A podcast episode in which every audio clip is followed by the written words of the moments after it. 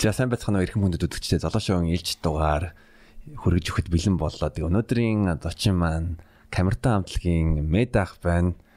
Сайн байна уу та? Сайн байна уу? За танилцъя хоёлаа. Золоо. Минь дамар. Одоо яг анхны удаа танилцж байгаа. Аа мөн бас бас таны би чамд чамд хэлээгээ цомгон дээр бас нэг гарын үсгээ зурвал. Аа за. За золоодоо золоод амжилт хүсье. Амжилт хэрэгтэй байна шүү.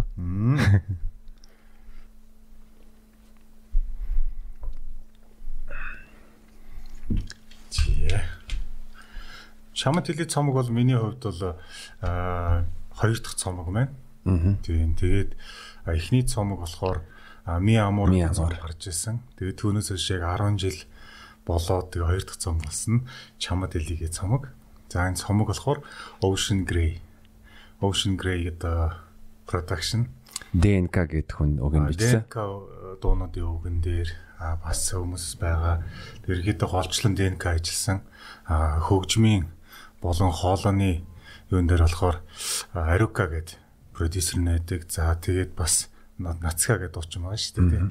Нацка манаас ажилласан. Зөв. Би яг энэ нэвтрүүлгийн дуршид бэлдэж байхдаа Ми Амор болон а, чамд хэлээ хоёулангийн сонссон. Тэгээ надад ямар мэдрэмж төрсэн бэ гэвэл Ми Амор цомог цомог дээр бол та Quizатай хамтарч ажилласан. А мөн бас ер нь jazz төрлөөр бол нэлээд inspiration авсан одоо жишээлбэл хамт нисэж чам руу нисэе гэдэг дээр нь одоо Frank Sinatra, Fly Me to the Moon ч юм уу а мөн бас Эйно Эйно Sunshine гэдэг дууг бас а, давхар дуулсан. А тэгэнгүүт нь чамд хэлий рүү орон оронгууд нь таваас өмнө өөр ярьцлаганд хэлж байсан илүү орчин үеийн хөгжимтэй тэгээд яг тийм ялгаа нь мэдэрдэг. Надаа хоёр цамг нь хоёулаа Хоёр өөр. байгаад надаа хоёулаа маш их таалагдж байгаа. Тэгээд би бас яг таныг бас а, нэг урих шалтгаан нь юу вэ гэвэл а, хоёулаа төстэй бас баритон хоолойтой. Тэгээ би бас а, нэг дуулаачны Nature Sound-ын дуулаачны сургалтанд суухдаа яг Ми Аморыг анх а, яг дуул яг миний гол дуулах дуу байсан болохоор за. Тий э, Ми Амор дээр ажиллаж байхад бол 2000 оны дунд хэсгэлтэй.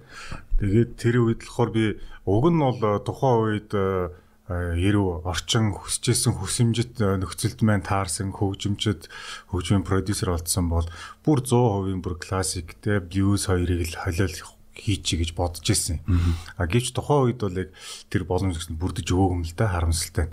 А тэгээ яг нөгөө нэг жоохон бүс өсчихсэн талтай. Ми амар дээр бол нэг босса новог нэг оролдож үзээл орчин үеийн босса нова эсвэл jazz гэдэг ингээ оролдож өсчээд исэн.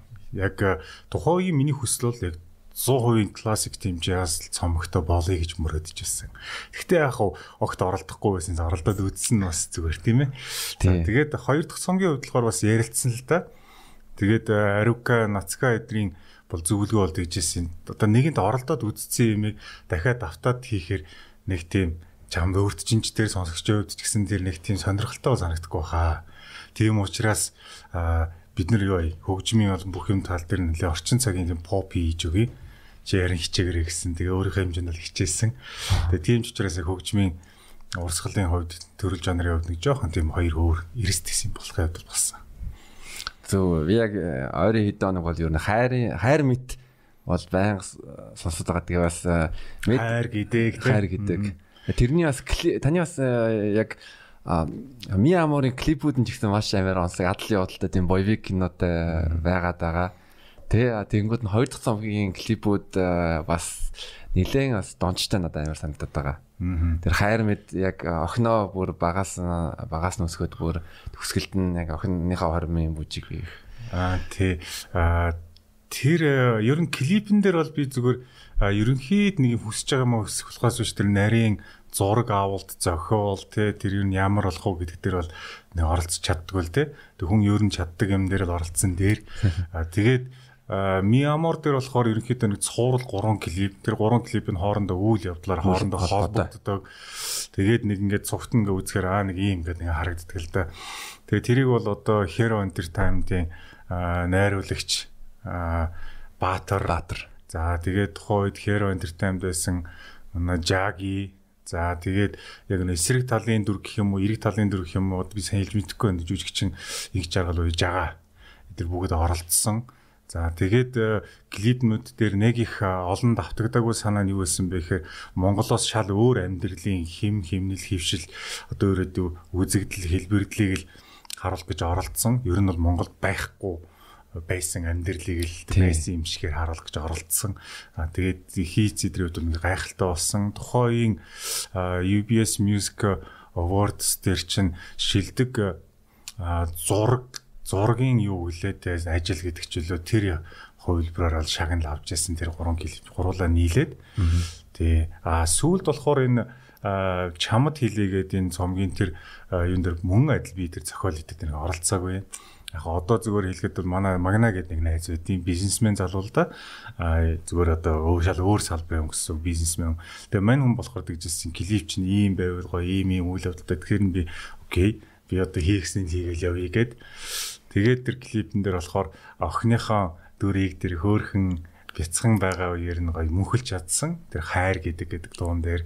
За тэрэн дээр бас их гоё нь болохоор одоо энэ жүжигчин балет бас үжгэлдэг те а нэрийн мөрчлөө хэм билээ нөө өсгөө маань Яас нэрийг мэдгүй ямар ч балетын хэсгийг бол байсан. Нас их хурж байгаа юм. Тэр охин бас ингээ миний том болсон охины дүрэдэрлээ хувираа тоглож исэн. Тийм тэгээд их гоё надад л тэр дуун тэр тэр клипинч тэр надад их таалагддаг л та. Тэгээд би өөрөө тэр клипэн дээрээ бас залуугаас хөшрөөд бүр ингээд одоо тийм нэлээ хөшөрж байгаа тийм хувьсж байгаа өөрчлөлт эдэр ингээд орж байгаа шилээ тэр нэр чинь нүүр царайны хувьд гэдэг их хэмжлэнгээр тэгээд тэр нас надад их гой санагдчихсан.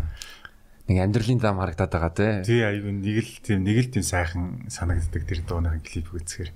Охины маань болохоор их гайхаад байдгийг одоохондоо сайн ойлгохгүй чи өөр хүнтэй хормоо хийгээд байна гэж бодоод хараад байдгийг. Тэгэхээр нүггүй миний охин чи ингээд том болохоор нь ямар хөрөм ихт наав цог явж байгаагаар ахгүй юу дүрслээ. Тэгэхээр би том болоог байхад яхаараа тэр том холоо хормоо хийчтэй ингээд хүүхэд яг нь өөрийнхөө л бодоод ах шиг байгаа юм л да тий. Гэхдээ таны таны яг дууг сонссон хүн клипийг нь үзснийхэн дараа бас өөр ойлголттой бол болно. Тий, тий. Болох хаа тий. Тэгэхээр YouTube дээр одоо мэдээ гээд миний нөгөө нэг клипнүүд байрлалсан байгаа нь юу байдэн шүү дээ. Тэн дээр бол хайр гэдэг гээд дууг одоо та бүхэн YouTube-ээс дараа завтаа өгдөө үзэрэй гэж. Хоёр хөлбөр нагаа үгтэй нагаа тэгээд нэг нь бол яг клип нь нагаа тий. Аа. А тэгээд а яг энэ он цагтай холбогдуулаад та бол 1995 онд анхны шинэ жилийн хөтлөлт одоо бид нар урлагийнхын далтур гэж ярьдаг л да.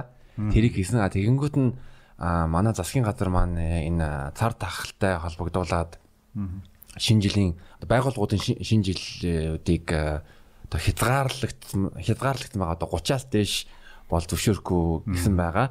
Тэгээ яг энэ энэ тал дээр танаас асуумаар байна. Ер нь таны хувьд хамгийн тийм хөгжилтэй, инээдтэй шинэ жилийн хөтлөлт ямар байсан бол? Хойд орсомчтой. За. Тэгэхээр миний хувьд бол яг номынхон дууг нь сонсоод ногоодо шилгийн нуудсан тийм мэрэгжлийн бол хөтлөгч биш шүү дээ.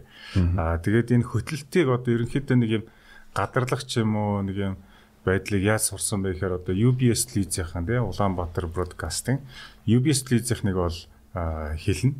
Ягаад гэхээр 98 99 онд UBS Music гэдэг нэвтрүүлэг нэвтрүүлэг хэлж байсан. Тэгээд тэр нь болохоор 5 дахь өдрийн шөнийн буюу тэг тэг цаг хүртэл билүүдээ явдаг тийм 2 хон цагийн. Тэгээд тэрэн дээр болохоор болдоо би тэгээд UBS Music-ийн ангирмаагч Тэгээ UBS Music-ийн бас ингээ мэрэгжлийн хөтлөгчдод ингээ ингээ нийлээд явдаг байсан. Тэгээ анх бол ангирмаа их санал тавьж ирсэн. Мэдээ UBS Music гэдэг ийм хөтөлбөр хийж байгаа маань шүний хөгжмийн хөтөлбөр. Тэгээд энэ дээр хөтлөгчөөр оролцооч гэд. Тэгэл эхнээс нь оролцсон. Тэгэл эхний нэг 2 илүү 3 дугаарыг бичиж явуулаад Тэгээд тэрнээс хойш нөгөө тухайн үеийн техникийн боломж буюу тэр болгоно бидэрт монтаж компьютер бичлэг бичих камер дээр тийм хэлбэг байгаагүй байхгүй одоогийнхтай харьцуулахад бүр харьцуулш хэцүүсэн байгааз. Тий. Тэгээд сүүл рүүгээ шууд эфир болж ирсэн. Тий. Вау. Тэгээд зочд нь шууд бид нэр ч өөрсдөө шууд хөтлөлт. Тэгээд яах вэ? Хүн чинь нөгөө нэг тэгэл тулчгаар тэгэл тулаал гардаг юм бэлээ. Мэдээж тухайн үед бол мэрэгжлийн хөтлөгч сэтгүүлчдийн хажууд бол мэдээж дутмаг зүйл зөндөө байсан. Гэхдээ тухайн үеийн гал дөлн бадарсан чадварлаг тийм хүмүүстэй хамтарч ажиллах юм асар хурдан хугацаанд суралцсан авчиж байгаа. Тэгээ сүүлд нь бол одоо UBS Music ч өөрөө тусдаа бүр бие даасан channel болж өөрсөн шүү дээ. Тэгээд тэр нь ингээд үлдчихгүй юу? мэрэгжлийн мундаг нөгөө нэг тим ТV-гийн найруулагч, редактор, сэтгүүлч нэртэйгээ хамтраад ингээд шууд адилхан шууд эфирийн үнд ингээд шахагдаад явах орчин. Тэгээд э, байж байгаа л тэгээд нэг мэдсэн чинь би ийм арга хэмжээ төрөл бүрийн янз янзын үйл ажиллагаа хөтэлдэг болцсон явжсэн гайхаад өөртөө ч сая гайхаад байдгийг. Тий. Тэгээд э, хөтөлтүүд дээр ер нь хөгжилтэй юмнууд гэвэл амар тийм сэтгэлд үлдсэн тийм хөгжилтэй юм нэг тохиолдож байгаа юм санагдаад байх юм. Магадгүй тохиолдож байсан баг. Тэр нөгөө нэг бичигдэж үлдээ гэж магадгүй толгоонд. А зүгээр аа маш гоё одоо нөгөө нэг зэрэгтэлтэйгээ гоё нэг дасаж эхэлсэн хөтөлтүүд гэвэл юу юм да. Одоо нөгөө ингээд өөрд нь өөрсдөө цогтоо зарлуулад тэгээд ингээд ээлжиж гар дуулдаг байсан уран бүтээлчтэйгээ зарлаад эхлэхээр айгуу тийм өөрт айгуу тийм дотн учраас маш хурдан дасаад үзэгчтэй ч гэсэн хэлэхэд хүртэл айгуу гоё тийм хурдан дасаад хурдан нүүр хагарах хагардаг юм байлээ. Тий. А зүгээр яг нэг э, бас нэг нэрээ мартагддаг нэг тохиолдол гарч ирсэн. Гэхдээ энэ хөгжилтөө гэхээс илүү айгуу тийм сонин тохиолдол та. За. А толгоон дотор бодож байгаа зүйлийг амаараа ингээ хийлэхэд толгоондоо болохоор бодсноор хилчлээ гэж бодоод амаараа хийлээд тэгээд дараа нь өөр хүнээс сохоор шал өөрөөр хилцсэн байдаг тийм тохиолдолс гардаг юм байна. Дэгдэг. Яг үнэхээр би өөр дэдэг тийм тохиол гарсан. Тэгээ миний бүр хамгийн дотны хүн дээр гарсан. Манай болдоо шүү дээ Тэгээ нэг шинэ жилийн нэлээд нэг томоогоо шинэ жилийн арга хэмжээн дээр тэгээд болдоогоо зарлах болоод тэгээ гараад би болохоор ингээд тайсан нэргээ зарлахдаа ингэж хэлээд байгаа. Монгол улсын төрийн соёр холд дуучин болд гэж зарлаад байгаа байхгүй. Толгой толгой тэгж ажиллаад байгаа дотор тарих. Тэгээд буцаад ингээ алхсан чинь болдоо зөрөхтэй юу дээр нь ажилтсан бэ гэдэг зөрөхгүй тэгэхээр би энийгээд гинт бодохгүй шатаар ингээд тайсанс бууж захтаа би соёлын төрхөний ажилтсан гэлцсэн баг та гэд бууж ирээд на хамтран хөтлөжсэн нэг нэг адлаа гэдэг хөтлөгч эмэгтэй хөтлөгч байдیں۔ За адлагаас би сая юу гэсэн бэ гэсэн чи соёлын төрхөний ажилтан болдог чи ингээд тэгээд би яг хөөх ямар сони юм болчоо гэд гайхажсэн. Тий. Тэгээд яг хүн яг тийм тохиол байдгийм байлээ. Толгоон тархиндаа бодож байгаа амнаас гарч авах хоёр хоорондоо зөрчсөн тэрийг анзаардаггүй нэг мартагдгүй юм ээ. Надад бас яг тийм зүйлүүд ер нь тохиолж байсан. Тохиолж байсан. Хоёлаа адилхан юм. Тохиолж байсан. Яг гэтээ бас яг таны хэлдгэр шиг яг би бас нэг 2 3 яг арга хэмжээнд дэр бас нэг юм хэлэн ингээ хэлсэн гэж бодсон чи яг хүмүүс өөр өөр асуулж авч ирсэн. Аа бас нэг юм байна. Нэр эн чинь бас нэг биш удаа тохиолдсон юм байна. Жишээлбэл Голомт банкны арга хэмжээ хөтлөө байж ирсэн. Тэгээд өөрсөн дотоод нэг тийм арга хэмжээ том баяр бас л нэг шинэ жил мэлтэй холбоотой байсан, ойтой нь холбоотой байсан. Тэгээд ингээд текст уншихтаа болохоор чинь голомт хийхээ тий голомт компани гэ хилээд яваад байгаа байхгүй би. Тэгээд тэгэж хэлжий гэж бодоо яваад байгаа. Тэгээ явж явж явж ясаа дундын завсарлага болсон чинь манай найз тэнд ажилладаг байсан байхгүй. Мань үерснэ. Мэдээ голомт хувьцаат компани гэж хэлээд байхын зүгээр л голомт компани гэж хэлчих. Тэгээ би юу хувьцаат компани лээ бодоод Тэгээ эргээд ингээд нөгөө хэлсэн юмнууд ингээд буцаага тархин доос сэргээсэн чинь миний амнаас гарахтаа болохоор голом тавьцаад компани, голом тавьцаанд компани гэж хэлээд исэн байгаа байхгүй. Нэр яг тийм тийм бас л нэг тийм жоохон бодлоо нөхөр юм байна да тий. Тий. Яг яг цаг үеийг бодох юм бол э, энэ бол э, бид нар ч э, байтугай бүр Америкийн улсын ерөнхийлөгч бас тийм алдаа гаргасан. Яг саяхан яг Republic намын том уулзалтан дээр яг яг сонгогчтойгоо уулзж явахдаа нэг залуу өрөн бүтээлч рэперийг э, дуудсан. Тэгээ нэрийг буруу дуудсан. Тэр нь яг э, маш сонирхолтой алдаа л да. Ягаад гэвэл э, тэр рэперийн нэр нь Little Pump. Gucci Gang, Gucci Gang, Gucci Gang та энэ дог энэ дог мэдхөө. Энэ дог дуулж байгаа рэпер. Тэнгүүд нь Дональд Трамп за одоо эрхэм хүндэгт эрхэм хүндэгт эрхэм хүндэт э, сонгогчдоо одоо дараагийн маш одоо залуу үеийг э, байлдан дагуулж яваа мундаг өрөн бүтээлж байгаа. Тэгээ та бүхний өмнө Little Pimp гэдэг хэлтэй. Аа. Тэгэнгүүт сүлд нөрөө анзаарсан Little Pump ladies and gentlemen. Тэ монголоор орчуулбал юу хийм дээ тэр чинь. Монголоор нэлээд дүүгтэл дөө. Харин тийм жоохон гизэл юм. Тэ бас юм тийм. Чи хэдэн он төрсөн бэ? Аа би бол яг 91 он төрсөн. Одоо 30 хүрч байгаа. Аа маш гоё он байна те. Ягаад гэхээр 90 онд монголчууд нийгмийн юугаа байгууламжаа өөрчилсөн тий байгууламжаа өөрчлөөд 91 оноос эхлээ бидний хамгийн хүнд үед эхэлж ирсэн. Гэхдээ яг хуу зөвхөн ахуу амьдралын хувьд бидний хувьд хүнд үед эхэлсэн боловч яг оюун санааны хувьд бол эрхчлээний хувьд бол гайхалтай бүүмүүд үл эхэлсэн л дээ тий. Тэгэхээр тийм гоё цаг хугацаанд төрсөндөө баяртай байна. Тэгээ чиний ухаан ороод ингээд юмэг ингээд одоо тархиндаа бичээд ингээд ингээ хараад явж исэн үе чинь болохоор бүр гоё үе байж таарсан байна. Шинэ мянган руу ойртож исэн үе тий.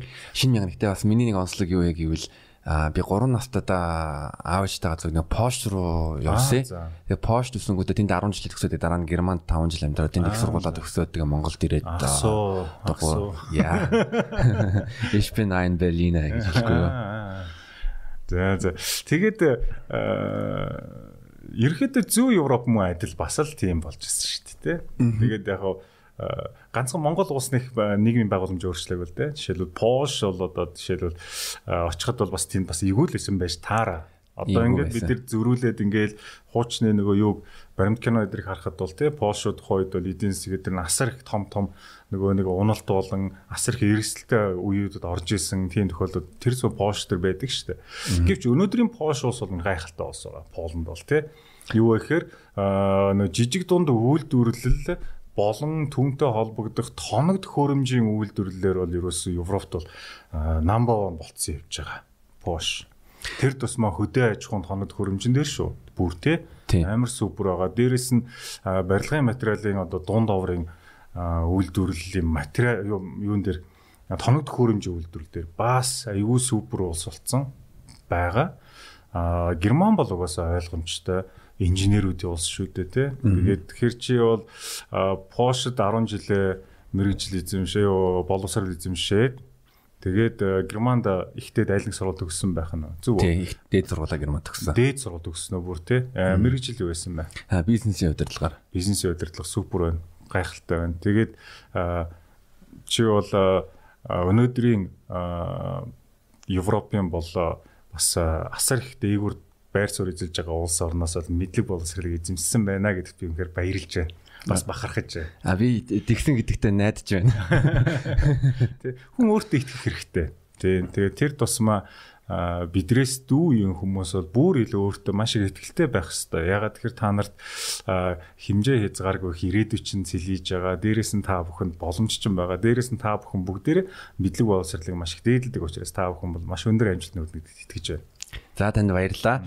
Э, танаас бас асуух асуумаар байсан зүйлүүд юу гэвэл сүүлийн үед одоо Наранзун ах Raisin and Nuts гэдэг шин шин хамтлаг эрэгтэй залуучуудын хамтлаг байгуулсан.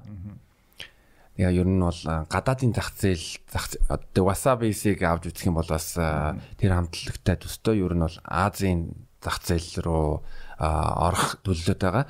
А Камертон хамтлаг жишээ нь манай зарим үзэгчид мэдэхгүй байгаа. Тэг ер нь дийлэх мэдэх байгаа. 2003 онд MTV-гийн Pop Asia Awards дээр бас нэлээд өндөрт дурдж исэн гэж э, дурдж исэн.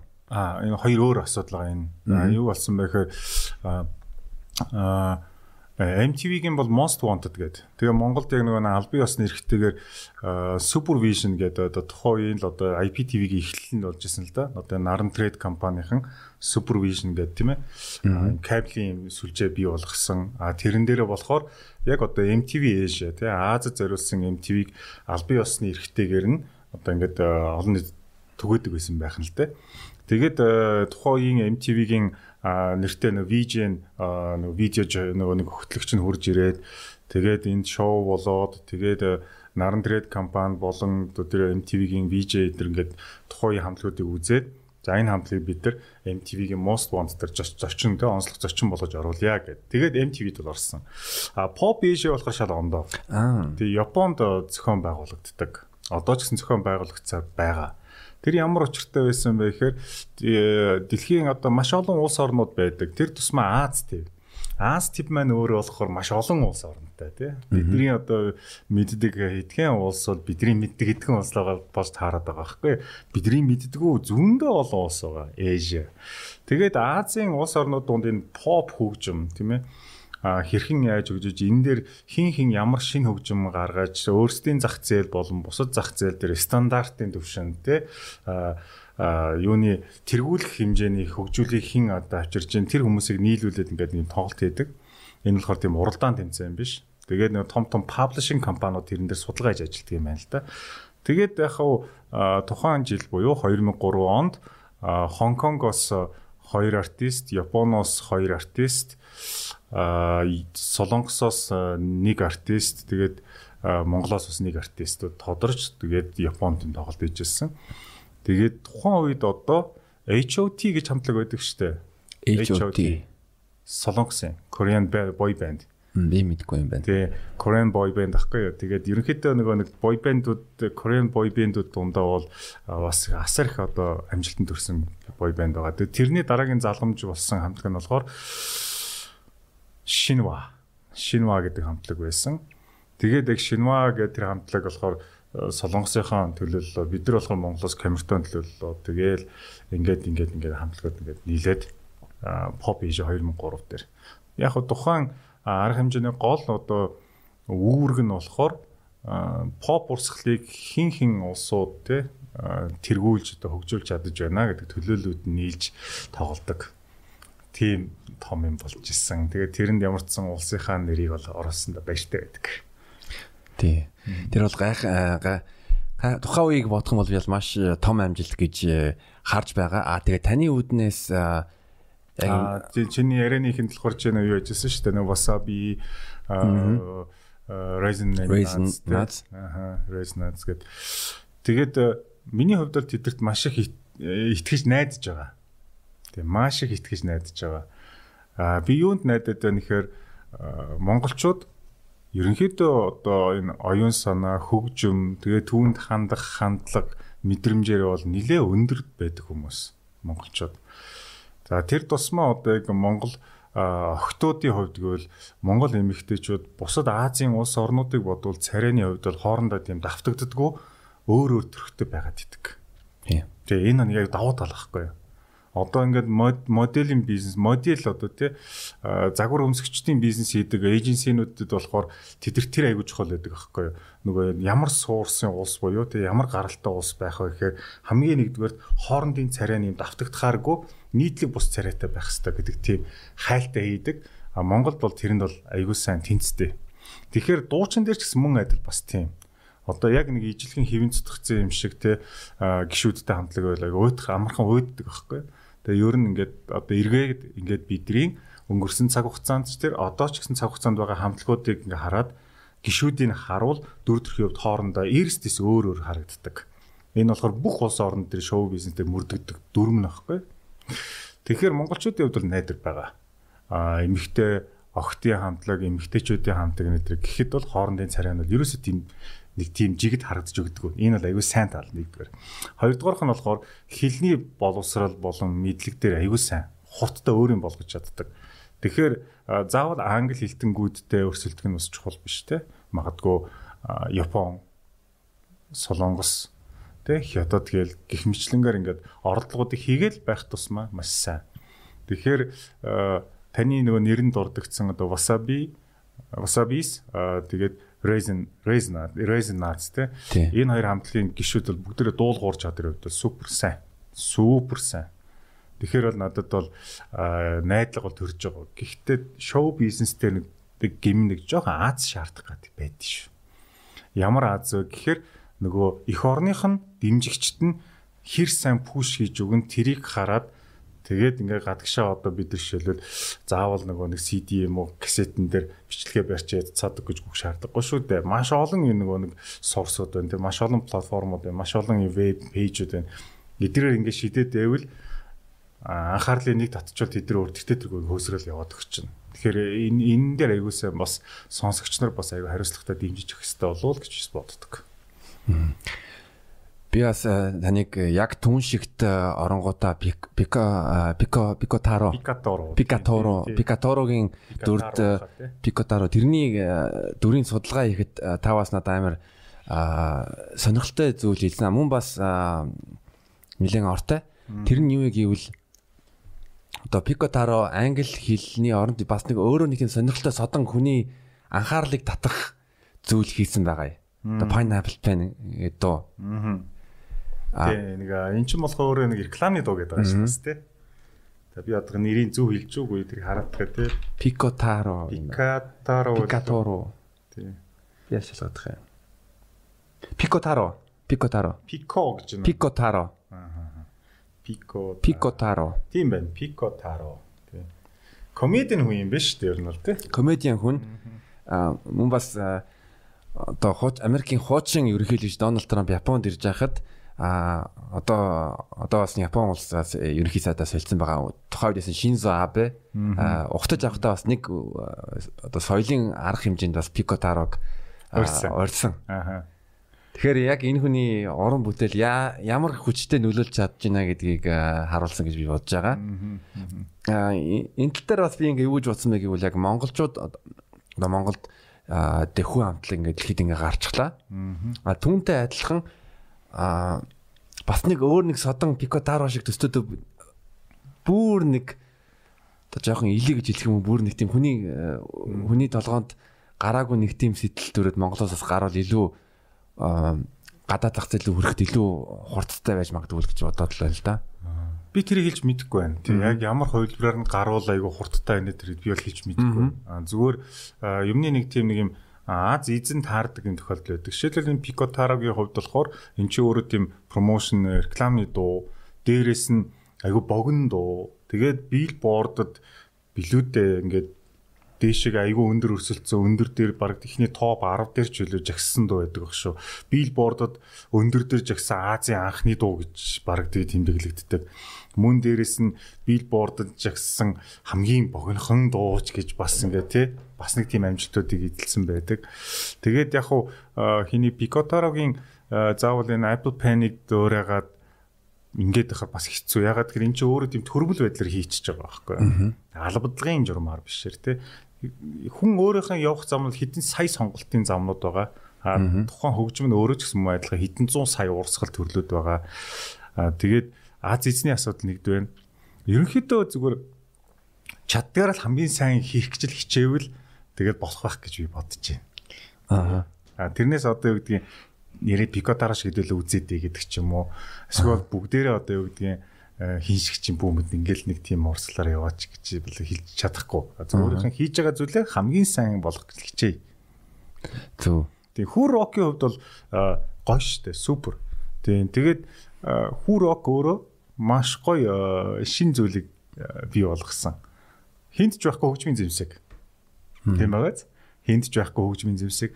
Дээрэс нь дууны философи төр нэг нэг шүлэг дууны үгнийх нь философийн харангууд айгүй философтой тий туйлсын шин чанартай ч юм шиг сургамжийн шин чанартай ч юм шиг эсвэл нэг тийм слоган маягийн тий нэг урайлаад байгаа ч юм шиг тийм шин чанартай ч юм шиг тийм дууныхаа философи нь үгний а хөгжим нь болохоор хинт жоохоо хөгжмийн зэмсгээр тоглоод байдаг гисэн мөртлөө одоогийн Европ, Америк одоо өөр улс орнуудын өнөөдөр яг ингээд идэвхтэй хэрэгэлдэг тэр бөмбөр хөгжим эдрийн яг ижлэгийн хэмжээнд эзэмшээд идэг.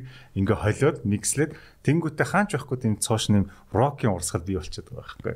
Тэгэхээр хүү рок бол одоо шилбэл зөвхөн Монголын рок гэж хэлж болохгүй болчихж байгаа анханасаа шууд л дэлхийн рок дээр цоошин нэг гой урсгалыг бий болгоод ирлээ. Энэ мэн цаашаага хичнээн гой салбарлаж ямар гой хөгжил бий болж ямар олон дэлхийн улс орнуудын одоо шин шин хүү рокийн стилээр тоглодог артистууд төрөх болоо ямар олон гой дуу тэ ямар олон гой гой юм төрөх болоо гэдэг дээр бол миний хувьд асрын хүлээлттэй байгаа.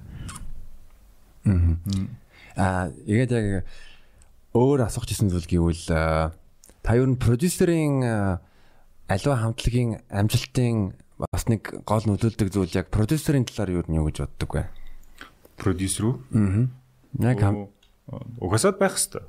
Тэ ер нь продюсер заавал байх хэвээр. Зөвхөн хамтлаг дуучин дээрч биш. Ер нь л кино одоо юу л гэдгийг ер нь энэ урлаг урлагийн бүтээл, оюуны бүтээл тал дээр бол дандаа продюсерүүд л одоо тэргүүн игнэнд одоо хийдэг болчлаа шүү дээ. Тэгэхээр Монголд бол одоо жишээлбэл Наран 100 маш гоё амжилттай сайн продюсер байна. Бид нар Wasabis Resonance гэдгээр нь хараад байгаа бол жишээлбэл одоо Jazz Nagi гэж тий. Nagi жишээлбэл продюслаад цоошин дүр төрх, цоошин дуу, цоошин шинэ имиж болон дараагийн нэг юм юунд гаргаад тавьчихлаа шүү дээ платформ тий. Дараагийн агсан төвшингийн шатн дээр ажиж тавьчихлаа шүү дээ. Тэгэхээр энэ бол продюсер ажиллах. Тий. Продюсер ажил. Одоо жишээлбэл манай хамтлагийн ахлагч болд, дуучин болд бол жишээлбэл одоо яг продюсер хүний бас нэг тийм үзүүлдэг штэ. Жишээлбэл юу гингүүд болдогийн одоо гаргаж хүмүүс таниулсан зөндөл олон артистууд байдаг штэ. Хамгийн анхны одоо B production-ы volume 1 цомог дээр гихт чинь Quiza BAT 2 орж ирсэн. Аа тэгээд гурван охин их шиглэн Маралжанго Аги гэдэг дууч Агима гээл те ингээ гих мэтлэнгээр аюу олон артистууд танилцуулж гэжсэн. Өнөөдөр ч гэсэн итгэвтэй юмд байгаа. Жишээлбэл одоо рэпер Нэнэ. Нэнэ. Тэгээ Нэнэ жишээлбэл би продакшны дараагийн танилцуулж байгаа шинэ артист нь танигдж байна. А гих мэтлэнгээр тийм ээ ингээд зөндөө олон артистууд танигдж байна. Тэгэхээр эдгээр бүгдээрээ продюсераас гарч ирээд байгаа байхгүй юу? Продюсераас гарч ирээд байгаа. Тэгээ продюсер энэ хүн ийм дүр төрхтэй болоод ийм утга санаатай, ийм аялгаутай, ийм хэмнэлтэд дуу явуулвал ийм насны хүмүүс нь дуртай сонсно. А энийг одоо ийм насны хүмүүс танилцуулахын тулд ийм дуу, ийм үхтэй байвал ийм хэмнэлтэй л гоё гэдэг. Продюсер ихэндээ толгоондоо боловсруулаа гаргаж ирээд артистээр гүйцэтгүүлээд хүмүүст ингээд гоё хөгжин бэлгэлээд нь дээ. Тийм. Тэгэхээр продюсер бол аа баг анхдагч юм уу да. А камертоны хувьд а 50 ахыг бас яруулаас маш э, чухал хаа тий. Тийм 50 бат. 50 бат. А дууны ай зохиогч гэдээ яадаг.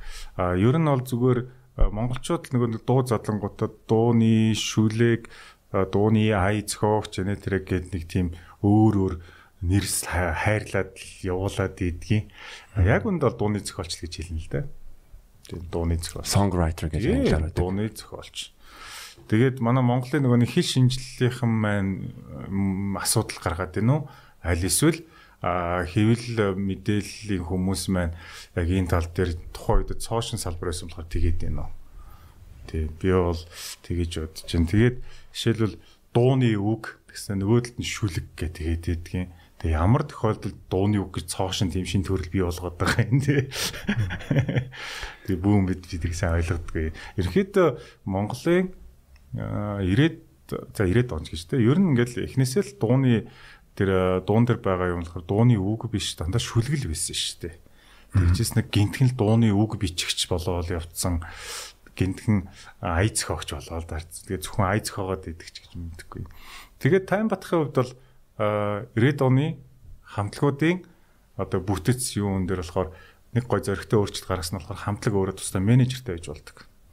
Юу гэсэн үг вэ гэхээр хамтлагийг төлөөлж шийдвэр гаргаж болдог. Хамтлагийг төлөөлж дараагийн үйлдэлээ төлөвлөж болдог гэд энэ энэ зүйлийг бий болгосон. Тэгээд тэр маань ингэж хөгжиж явсаар байгаад одоо өнөөдөр монголчууд албан ёсны кино продюсертэй болсон байна. Аа хамтлагийн продюсертэй болсон байна. Бүр том юм ивент болон юм брендингийн продюсерүүдтэй болсон байна. Гэх мэтчлэнгээр төрөл төрөл дээр ажилладаг юм продюсерүүдтэй болсон байгаа. Өнөөдөр бол. Тэгэхээр энэ бол бид нар асар хурдан хугацаанд маш амжилттай хөгжиж байгаагийн одоо тод илрэл гэж ойлгож байна. Яг Монголын анхны одоо дөрвөн өөр төрлийн хоолойтой залуус бас хөгжин хөгжин бүжгийн коллежийг төгссөн амарч одоо поли полифон. полифон. Тийм. Тэгэхээр полифоныг болохоор бид нар сургуульдаа сурч байсаа гинт нэг өдөр гадаадын хамт сонгоод оо энэ ч өстой гоё юм байна гिचээгүүл дээ ерөөсөө л юугаас байсан. Тийм полифон гэдэг юм байна.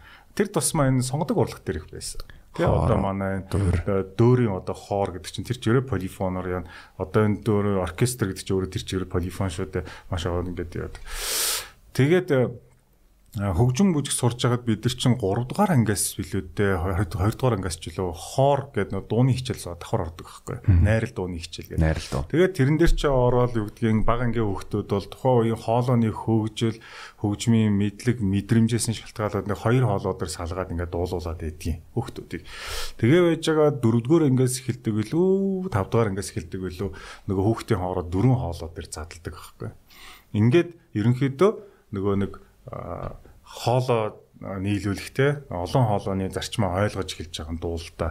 Дээрээс нь бид чи өөрсдөө хөгжмийн хөвгтүүд тэгээд 6 илүү 7 дугаар ангиас бас ингээд сургууль дээр сургуулийн оркестрийн хичээл гэж орж эхэлнэ.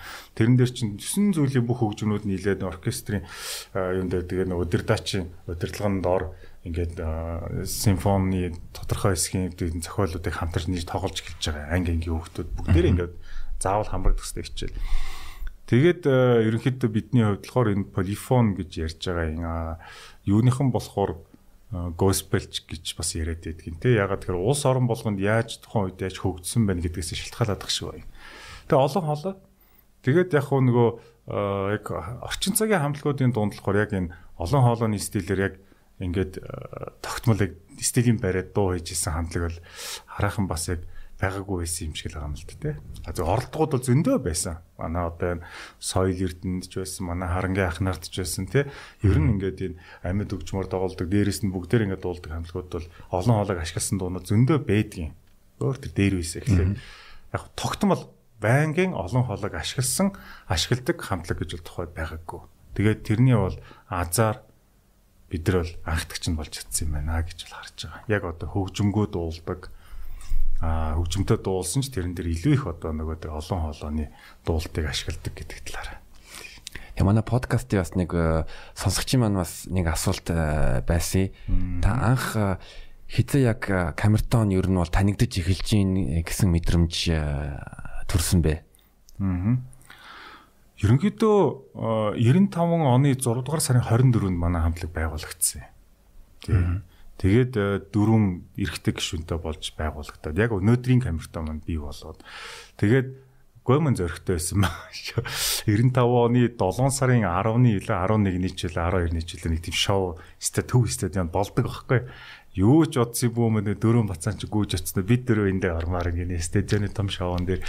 Тухайн үед нь яасан ч фильтр султай байсан. Эсвэл хувь зээ хэвээс юм уу? Бүү мэд. Тэгээ хөгжим уран сайхны одоо өдөрдагч өдөрдагч тал дээр нь болохоор одоо урлагийн авиац цэглэлд ухнаагаа ажиллаж ирсэн.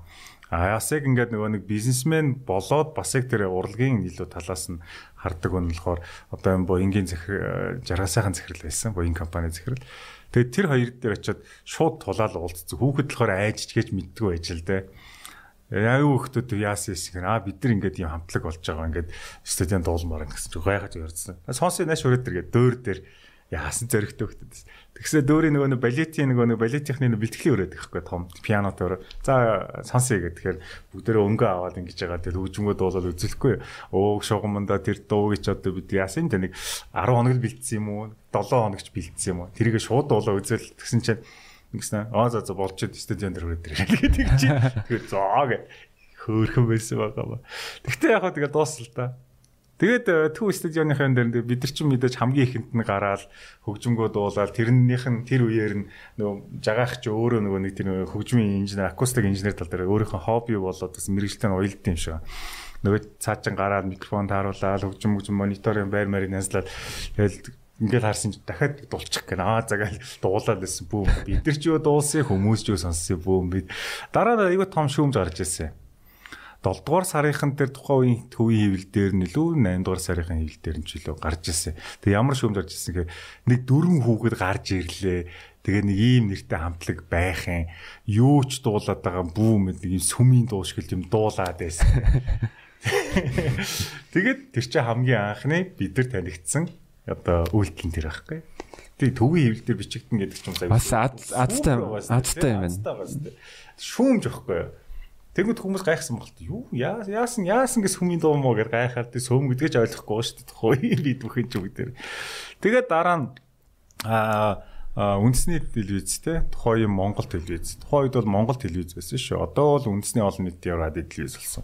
Монгол телевизийн одоо яг тэр шин залуу тухайн үеийн тэр мундаг хоёр залуу байсан. Тэгээд бурхан болооч мөнх хоёр тэгээ хаан зориг хоёр залуу AV гэдэг нэг тийм видео студитэй аудио видеогийн товчлол AV. AV. Тэгээд бид нар санаандгүй зүгээр Монгол телевиз дээр гуйж ороод Тэгээд э, студ дууныхаа студид нь 18 насаа бичүүлээ үзсэн байхгүй. Ер нь нэг бичүүлээд юмаа сонсч үзье гэдэг. Ганц бичүүлээд буцаага тэргээс сэргээ сонсох боломжтой тийм шүү дээ. Тэгээд тэнд бичүүлжсэн чинь харин ор сонссноо дуудснаа та нарт би клип хийгээд өгье гэд. Тэгээд тэр 8 сартаа билүү нэг клип бид тэр ингээ хийгээд мань хүн айгүй гой сэтгэл гаргаад тэр манай хоёр тэр залуучууд хийгээд тэгээд нөгөөдгийн шууд үндэсний телевизээр пад гээд цацаад эхэлчихдэг байхгүй намраас нь Тэгээ 9 сарын сүүлээс ч удаа 10 сараас ч л.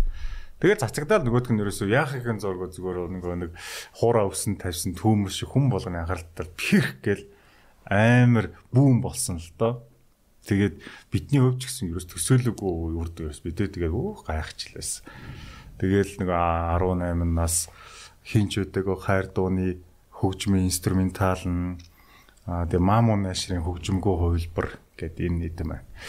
Тэгээд одоо хоёулагийн интех ойрхон ба. Хоёулаа ч орсолчин гэн ойролцоо шүү. Ийш хангаа зочдууд л байгаа. Одоо нөгөө нэг ажилтгөө хуучин хангаа зочд гэж байсан. Одоо энэ балгасан байшин өндөр. Аа за. Одоо ойлгосноо энэ их. Окей, ойлгочихлоо. Энэ балгасан байшингийн хамгийн дээдлэлт нь тухайн FM радио 102.5. Манай Монголын ууган FM-үүдийн нэг нь ах шүү. 102.5. Тухайн үед нэг олон FM байгаагүй хаа. Хөхтөнгөр Улаанбаатар FM Улаанбаатар 102.2 байсан. 119 а Jack гэд бас байсан шүү. Хотын төврөө гурвал байсан юм байна. Хүмүүс аягүй FM радио сонсдог, FM station сонсдог. Тэгээд энэ студ дээр болохоор хох хамтлагийн ахлагч хин инх хоёр ах. Инх хоёр ах радиогийнх найруулагч хөтлөгчөөр ажилладаг байсан. Тэгээ бид нар очиод бид нар ингэ бичүүлэх гэсэн юм аа. Ягаад тэгэхээр тэнд MD player байсан бөлөө. DV ч билүү нэг player байсан. Data player, data гэж бас нэг хайлс өгдөн шүү. Хүмүүст бол хэлэхэд одоо л ойлгохгүй байна. Data гэх нэг жижиг data. Тэгээ тэрэн дээр нь бид нар бас нэг юу 18 насаа арай цэвэрхэн гой хувилбараар бичээд тэгээд нөгөөдг нь радиогоос цацагдаад тэгээд дараах нь байжснаа клип нэг гараад ингээд ерөнхийдөө медиа тал дээр бол амар сайхан сэтгэлтэй хүмүүсийн дэмжлэгээр бүүн бол гараад ирсэн гэсэн үг. Тэгэл танигдсан үе нь бол ерөөсөө хэдхэн сарын илүүтэй настай юм шүү дээ, тий? Тийм сарын 24, 9 сарын 24 гэхэд аль хизээний хүмүүс вау энэ ямар гоё дуу гэсэн 18 нас юм сонсдог тий. 18 нас гэдэг энэ дуу дуулсан түүх нөөцөх сонин шүү дээ. 18 нас гэдэг энэ дууны зохиолч нь бол Никтон хамтлагийн ахлагч Бачул байх. Тэгээ Никтоны Бачка хүмүүс сайн мэднэ. За Бачка болохоор энэ дууг анх Мишелт гэдэг эмэгтэй дуучин зориулж өгч ирсэн юм байлээ. Нөгөө хүн нь болохоор нэг дууны тэмцээнд өрсөлдөөд тэгээд бас яг 10 дугаар ингээд төгсчихсэн үе нь бол таардаг л дээ. Бидний гарчгаас хамаагүй хэдэн жилийн өмнө шүү бүр. Тэгээд Мишелт нэг тэмцээндээ дуулчаад тийг орхисон юм байна. Дараа нь Титэм гэдэг одоо хамтлаг байгаа шүү дээ. 50 бандахын хамтлаг тий. Титэм хамтлаг нэг тоглолтоо хийж байгаад энэ дуу чих гоё шүү дээ. Нийт дуулчих уу гэсэн чинь тэг гэсэн юм байл. Тэгээд Титэм хамтлагийн хоёр маань энэ дууг хөхтөнгөр хамтлагаар ингэ тоглуулад бүр яг амьдаар нь тоглуулад хальсан дээр бичээд авцсан юм байна. Тэгээд тоглолтын дээр ингэ дуулжсан. Тэгээ орхицсан юм байна. Нэг тоглолтын дээр дуулаа хайцсан юм байна. Тэгээ байж өстой бидний хамтлаг болсон чинь 50 бадах ийм нэг дуугаа та нар сонсдоо ийм үгтэй та нар энийг дуулах уу тэгээ тэгээ тэгээ тэгээ тий тэгээд нөгөөтхөн дуулаад бэлдэж байгаа л клипч боллоо нөгөөдгөө санаандг байдлаар фэн дээр айгуугаас чанартай бичлэг боллоо шууд цацагдаал эхэллээ. Тэгэл нэг мэдсэн чи одоо 18-наас ихэр хүмүүс камертон гэж зөвлөдөг камертон гэхээр 18-наас гэж зөвлөдөг тэгэхээр хэдхэн сарын дотор асар хурдтай тийм өөрчлөлт болсон юм байна. Одоо эргээд бодсон чинь. Ваа энэ бас амар гайхалтай төх байна. Тэгээ бүхэл тийм нөгөө нэг юунууд нь гоё таарсан юм шиг байна тий. Хувь зээний нөгөө нэг юм цэгүүд нь аягүй гоё таарсан байна тий. Яг нөгөө юу бүх нөгөө чакра нэгддэг шиг нэг яг тэгсэн байна. Хамтлаг үрлэх сонин дээ. Болдоо үе дээр тустай бас нэг юм хамтлаг энэ дээр ангих охтуудтай нийлцсэн хамтлаг болоод тэгснээр камертон гэж нэрлэлчихэж байгаа тэрийг а манай гана ибо хоёрлоход бас тустай бас нэг юм хамтлаг Тэгэл ингээд явжсэн л гинтхэн тэр нэг азар нөгөө хөгжим бүжгийн сургууль чинь нөгөө нэг хичээл нь орой тардаг. Үндсэн одоо ерөнхий боловсролын хичээл тарсан ч гэсэн хөгжмийн хичээлүүд нь үлдчихдэг байхгүй. Нилээн уулж явуулж байгаа л анги ахих тусам нилээ явна. Тэгэл наадам нилээн төхүүлж байгаа л бүрэн хичээлүүд зогсдог. Тэгэл яг тэр үеинд бас таарал бидэд нөгөө хичээлийн ачаал мачаалгүй болчихсон. Тэгээ эзнэ хэдүүлээ нэг тухраад цэгээл нот бүгдээрээ хөгжим мэдлэгтэй нотоо уншиж чана бүгдээрээ нотнуудаа партуудаа авлаа нэг ангид э, зүгээр коридор зогсож байгаа дуурайд дагаад дуугарсан пүнг оо ай заахс гэсэн. Айгуу сон хордог ерөөс жирс гэж жирс жирс жирс жирс гэж айгуу хордтой шээ.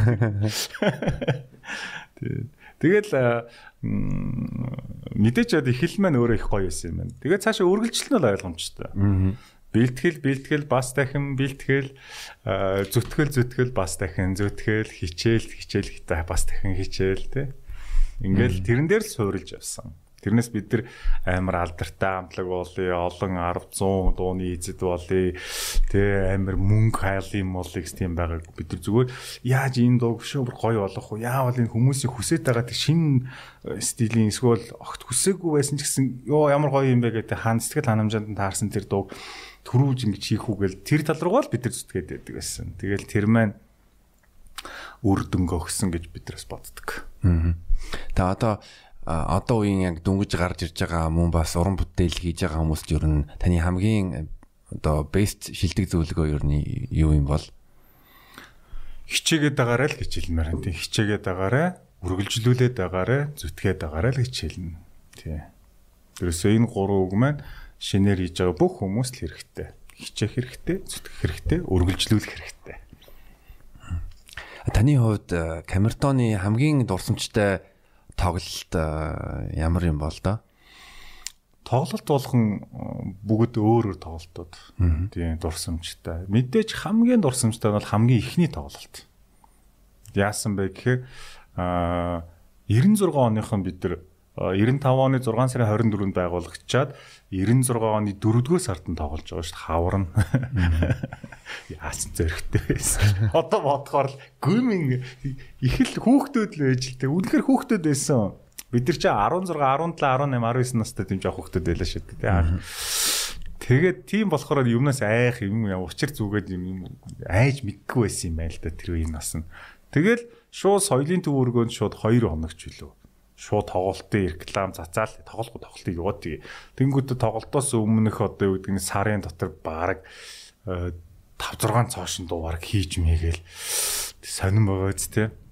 Тэгээд тэр тоглолтын дээр ингээд дуунуудаа дуулаад байжснаа ингэсэн нөгөө нэг we will rock you гэдэг нөгөө нэг химнэл байдаг штэ. Дүм дүм аа энийг нөгөө нэг дөөрөөгаа тэр зааланд байгаа хүмүүсээр хийлгсэн чил ингээд битүү ингээд утаа ингээд гэл ингэхгүй юу утаа ханаас гараад байгаа юм гэж уучлаар нэг утаа биш байсан юм бэл. Шалан дээр нэг шингэцэн шороо гэ босоо утаа шингэсэн юм бэл. Тэгээд тэр тоглолт нь болохоор нэг цаг гарan дээр цаг 20 минут минут хавцаа болж байгаа юм л да. Тэгэхэд л юу гэж тэр ч ерөөсөө бүр 10 минут ч хүрэхгүй хугацаанд өнгөрч байгаа юм шиг те. Тэгэл байнга ваа гэсэн нэг тийм нөгөө нэг зэрэгдлийн нөгөө нэг гашгарсан оргилсан тийм шуум эхлээсээ эхлээл дуусан дуустаа тэр чигээрээ байсаага гэд дуусаад тэгэл гэртээ хайраал ямар тухай төгжрэл мөгжил бүгдлэрэл нэг яваа шүү дээ. Гэртээ хайраал хөвцөн чинь чихнээс нөгөө нэг тэр авиан гарахгүй гам гэл. Тэгээд тэр бол аюугүй том тийм анхны дурсамж. За тэрнээс хойш бол тоглолт болгон бүгд гоёгоо дурсамжууд бэлгэлж ирсэн. Тэгээ бас камертон хамтлаг маань утахгүй эрэгт энэ хагас өдөр зайсан хийлд бас тий тоглож байгаа таны ерөн сэтгэл ер нь. Өө маш гоё байгаа. Тийм. Тэгээд тэр тусмаа одоо эн чинь 12 дугаар сард чинь тийм шинэ жил олон нийтийг хамарсан арга хэмжээ арга хэмжээж байгаа шинэ жилийн баяр болохгүй юм байлээ. Тэгээд тэрнээс өмнө яаж амжиж бид нар одоо гоё тийм тоглох гэж байгаа. Тэгээд тоглолтын реклам жоохон нэг буруу хэрэгэлсэн билээ. Мини гэж бичсэн билээ. Мини? Мини концерт гэж бичсэн. Мини концерт. Уг нь бол мини зэний биш л те. Ер нь бол нэг 20 гаруй дуу дуулагдана. Яг л бүрэн хэмжээний л тийм перформ болох юм байгаа юм те. Нэрээ тэрийг аяар зохион байгуулж залуучуудад хэлье. Тэр мини гэдэг үг авахгүй бол наа чи нэг арай өөр утга санаа агуулдаг байна гэх те. Тэгээ одоо мини бус, мини машин шиг жижигрээ жижигрээ явдаг шүү. Мини USB Тий. Тэгэхээр хүмүүс нөгөө нэг дуун цөөхөн арга 5 дуу юм байна гэж ойлгочих байтаа тий. Тэгэхээр энэ бол өөрөө айгуу тийм том тоглолтос болно. Тий. Тэгээд одоо бидний нас а бидний үзэгчд ингээд бидний хувьд болохоор бид нар нөгөө нэг тийм юу байхгүй тийм шоу гэдэг талаас илүү те entertainment гэдгээс илүү илүү нөгөө нэг дууны перформ талдаа хамтарч дуулах талдаа гоё дурсамжаа сэргээх тэр тал руу бол гоё тоглолт болно хаа гэж бодчих. Яас сонирхолтой зүйл гэвэл яг камертоны тоглолтын нээлтэн дээр бас манай UB comedy-гийн комедиан Содо халааж өгөх юм байна. Аа за за нөгөө биерхөө маста залуу те. Тийм. Масыг байлдан дагуулж явж байгаа бас мастай. Мастай залуу. Гэхдээ мань хүн юм жоохон масны шуугдаад ах шиг гэнэ үү? Эсвэл бид нар одоо нүд тасаад байгаа юм болов уу? Аа одоо бол маш эрчимтэй содо маань турж байгаа. Аа маса хасаад байгаа. Маса хасаад байгаа. Жин хасаад байгаа. Би бодохдоо нүд тасаад одоо ингээд энгийн тий normal person шиг харагдаад гэж бодоодсон. А ер нь тэгэж харагддаг нэг тийм игдүүтэй дулаахан тийм дүртэй байгаа. А харин одоо бол яг эрчимтэй дасгал ийгээд сайхан одоо гүзээгүй Монгол руу зүтгээд байгаа. Гэтэ ер нь хүний нүд дасдаг нь үнэн. Одоо хамгийн анх одоо юу гэдгийг 90 он гараад 90 оны дундуур ч юм уу монголчууд нэг нэг сумо гэдэг нэг Японы нэг бүхий спорт байгаа шүү дээ. Мэргэжлийн спорт шүү дээ. Сумо бүхий бид харахад нүдэнд ингээд тасч өгдөгсэн шүү дээ.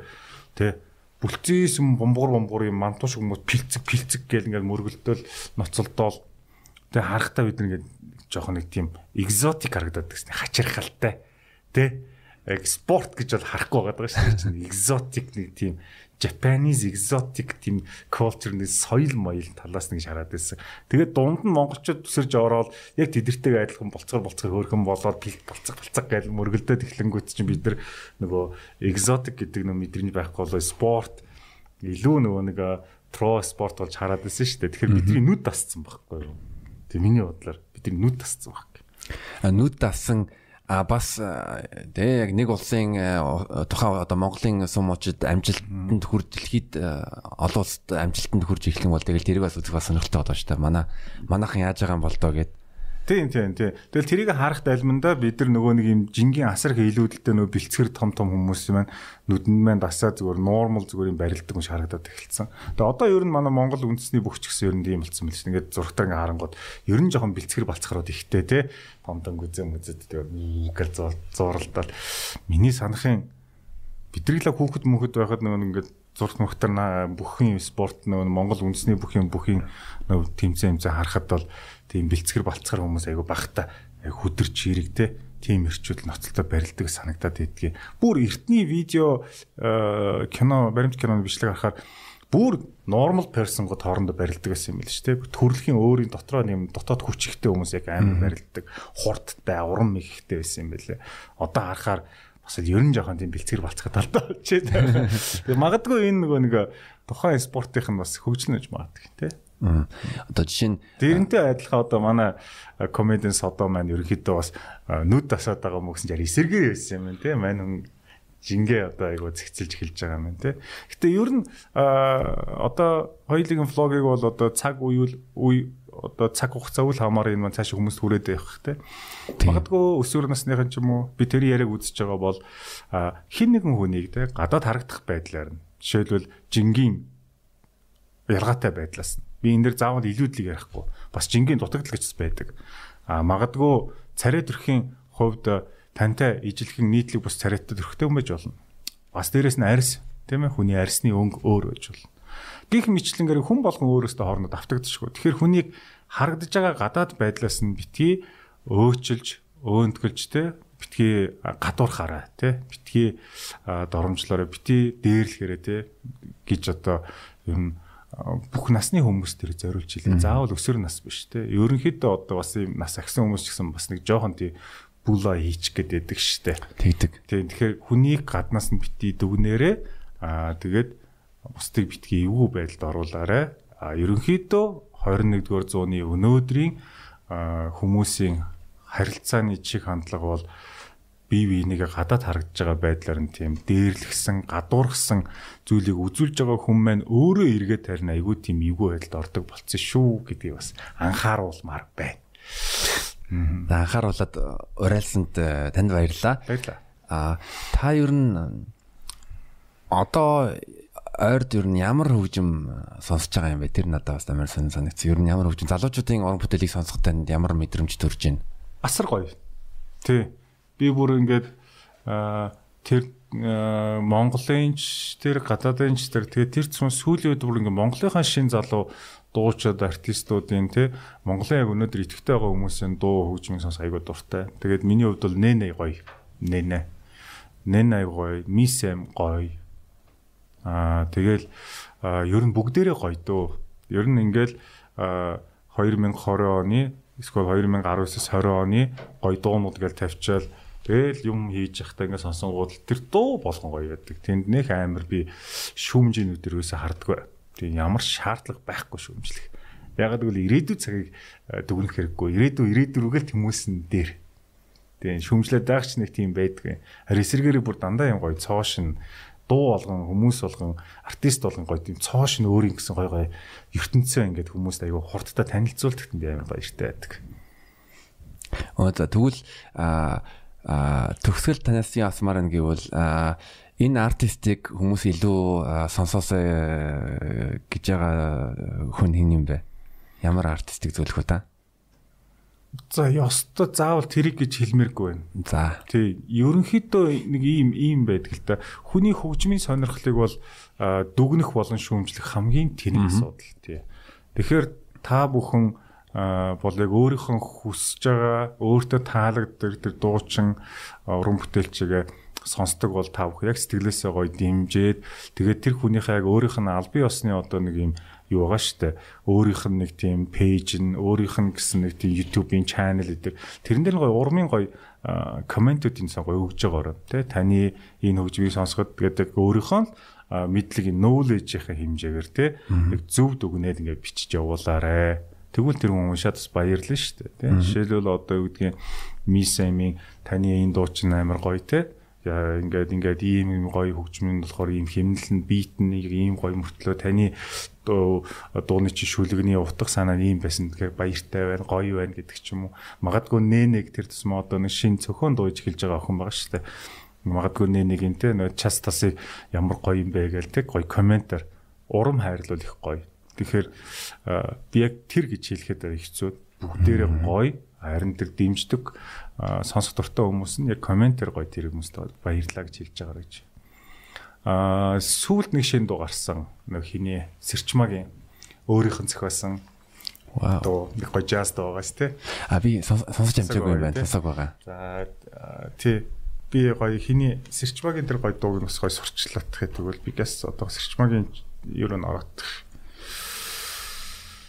YouTube дээр өөрөөс нь төрүүлээд э, хүмүүс э, энэ тэргөө яасан цацсан. Цаа чин зүрхэнд амьдрах чи. Аа тий. Энэ дуу чи өөрөө сэрчмаа өөрөө зохиосон. Зүрхэнд амьдрах чи. За тэгээд энэ дууны айгуу гоё. Яг нэг chill out нэг chill нэг jazz яа гоё тийм зөөлхөн smooth jazz-аар хийсэн байсан. Хөгжмийн юм. Тэгээд миний нөгөө дуртай хөгжмийн төрөл гадаг санагдсан. Тэгээд аа хөгжим дууныхаа аялгау болон шүлгийг болохоор сэрчмаа өөрөө зохиосон байлээ. Тийм. Тэгээд клип бид нар үнэхээр гайхалтай гоё болсон. Тэгээд яг одоо хоёулагийн влогийг үзэж байгаа аа сонсогч нараа YouTube channel руу ороод дуучин Сэрчмагийн Сэрчма official гэсэн тэр руу ороод та бүхэн энэ шин дууг нь сүлээ сонсорох гоё шүү гэж хэлмээр байна. За танд баярлалаа. Мөн бас төгсгөлт дахиад хэлчихье. Аа магадгүй миний асуугаагүй асуулт ч юм уу эсвэл бас танд үзэгчд үзэгчд маань өөр хэлэх зүйл байгаа юм бол та хэлж болно шүү. Окей, болж байна. За тэгэхээр өнөөдөр хүн төрлөختөн их өөр дөмөн тулгарч байгаагүй том бэрхшээлтэй тулгарцсан гэдэг нэг хөөсрөөд байгаа шүү. Тий. Корона гэдэг. Ковид 19 гэдэг. Уучлаарай ийм төрөл бүрийн вирус, тахаал, өвчин бол хүн төрлөختөнтэй үргэлж сорилт болж иржсэн байсан. байгаа. Байсаарч байх болно. Зүгээр энэс сэргийлэх хамгийн сайн зам нь юу вэ гэвэл бид нар хувийн ариун цэвэр болон орчны ариун цэврээ зөв сагчих хэвээр. Ээ? Аа ихэвчлэн одоо хүмүүс элдв янзын өвчин, вирус янз янзын сав хонцсар ч юм уу элдв янзын юмд хохирдог тохиолдлууд нь дандаа хүний өөрийнх нь буруу төвлөдөөс болоод байдгийг. Монголчуудын хувьд ч гэсэн бас их ойрхон шүү. Тий. Тэгэхээр тэр аюул их ойрхон. Заавал бид нар нөгөө нэг аа мууса одоо хятадууд л ста заваанаасаа болж ин ковид 19 уучлаарай нөө тий. Заавал хятадуудаач биш. Хаа хамаагүй соёлд өөр өөр ертөнцүүдэд гэсэн айхтар айхтар вирус ч юм айхтарт бактериуд бий болж исэн удацсан байсаар байгаа. Тэгэхээр монголчууд ч гэсэн одоо эндээс сургамж авах хэрэгтэй. Юу гэвэл манай монголчууд нэг мал аж ахуйн орон тэ амтан малтай бас их сонирхолтой харьцдаг хүмүүс байхгүй аюу экзотик байдалтай харилцдаг бас тэ. Тэгэхээр бид нар бас аюу бодож авах хэрэгтэй юм билээ.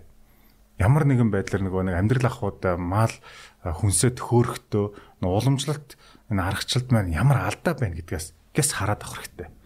Мэргэжлийн байгууллагууд нь олж харж харангуйтай тэр алдаанууд эртгэн байхгүй болох хэрэгтэй тий. Малын одоо нөө эсвэл ан амтнантай зүв босоор харьцах гэдэг тийм үз байдаг Монголд.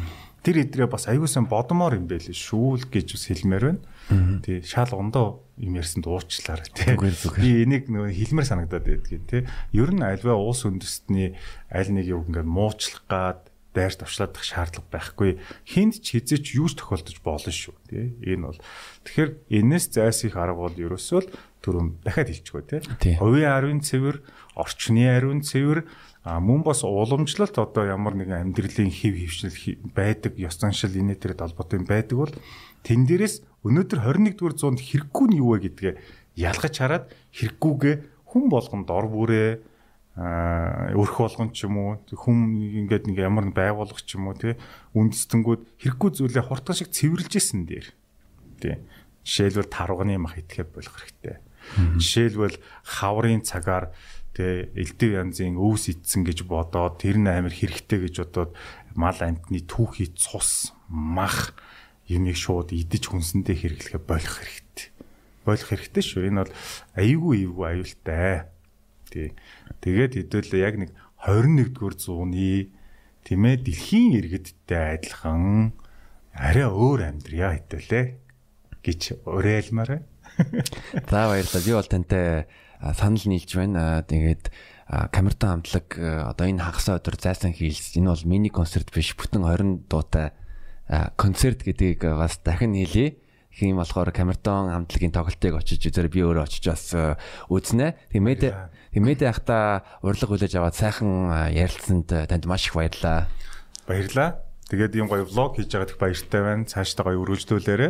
Тэгээд э, таны влогуудыг ингээд харж байгаад таны нөгөө нэг ярилцж байгаа нөгөө нэг техник чинь болохоор бас нөгөө хит нөгөө нэг ингэж аа ингээд э, хит ингэж э, яагаад гэх текер хийгээд гэх шиг байлаа. Аа за. Нөгөө оролцож байгаа зочинтойгоо тек гэж текер одоо нэг хит халамжилч ингэж ярилцаад байгаа тийм байдал ажиглагдсан. Тэгэхээр илүү гоё юм чөлөөдөө тэгээд заавал урлагийн үнэхээр нөгөө урлагийн талын яриа өрнүүлэхтэй бас гол нь биш те бидний өөрсдийн амьдарж байгаа нийгэм маань маш олон өнцөг урсгал зүйлүүдтэй сэдвүүдтэй учраас болж игэл нөгөө нэг өөр сэдвийг ч хамаагүй бас яриулах тал руу хандуул бас зүгээр юм болов гэж миний хувьд бол тэгж харагдсан. Аа за таныг энийг хэлсэнд баярлалаа энэ талаар би бас бодноо. Аа окей. За баярлалаа та бүхэндээ амжилт хүсье. За баярлалаа.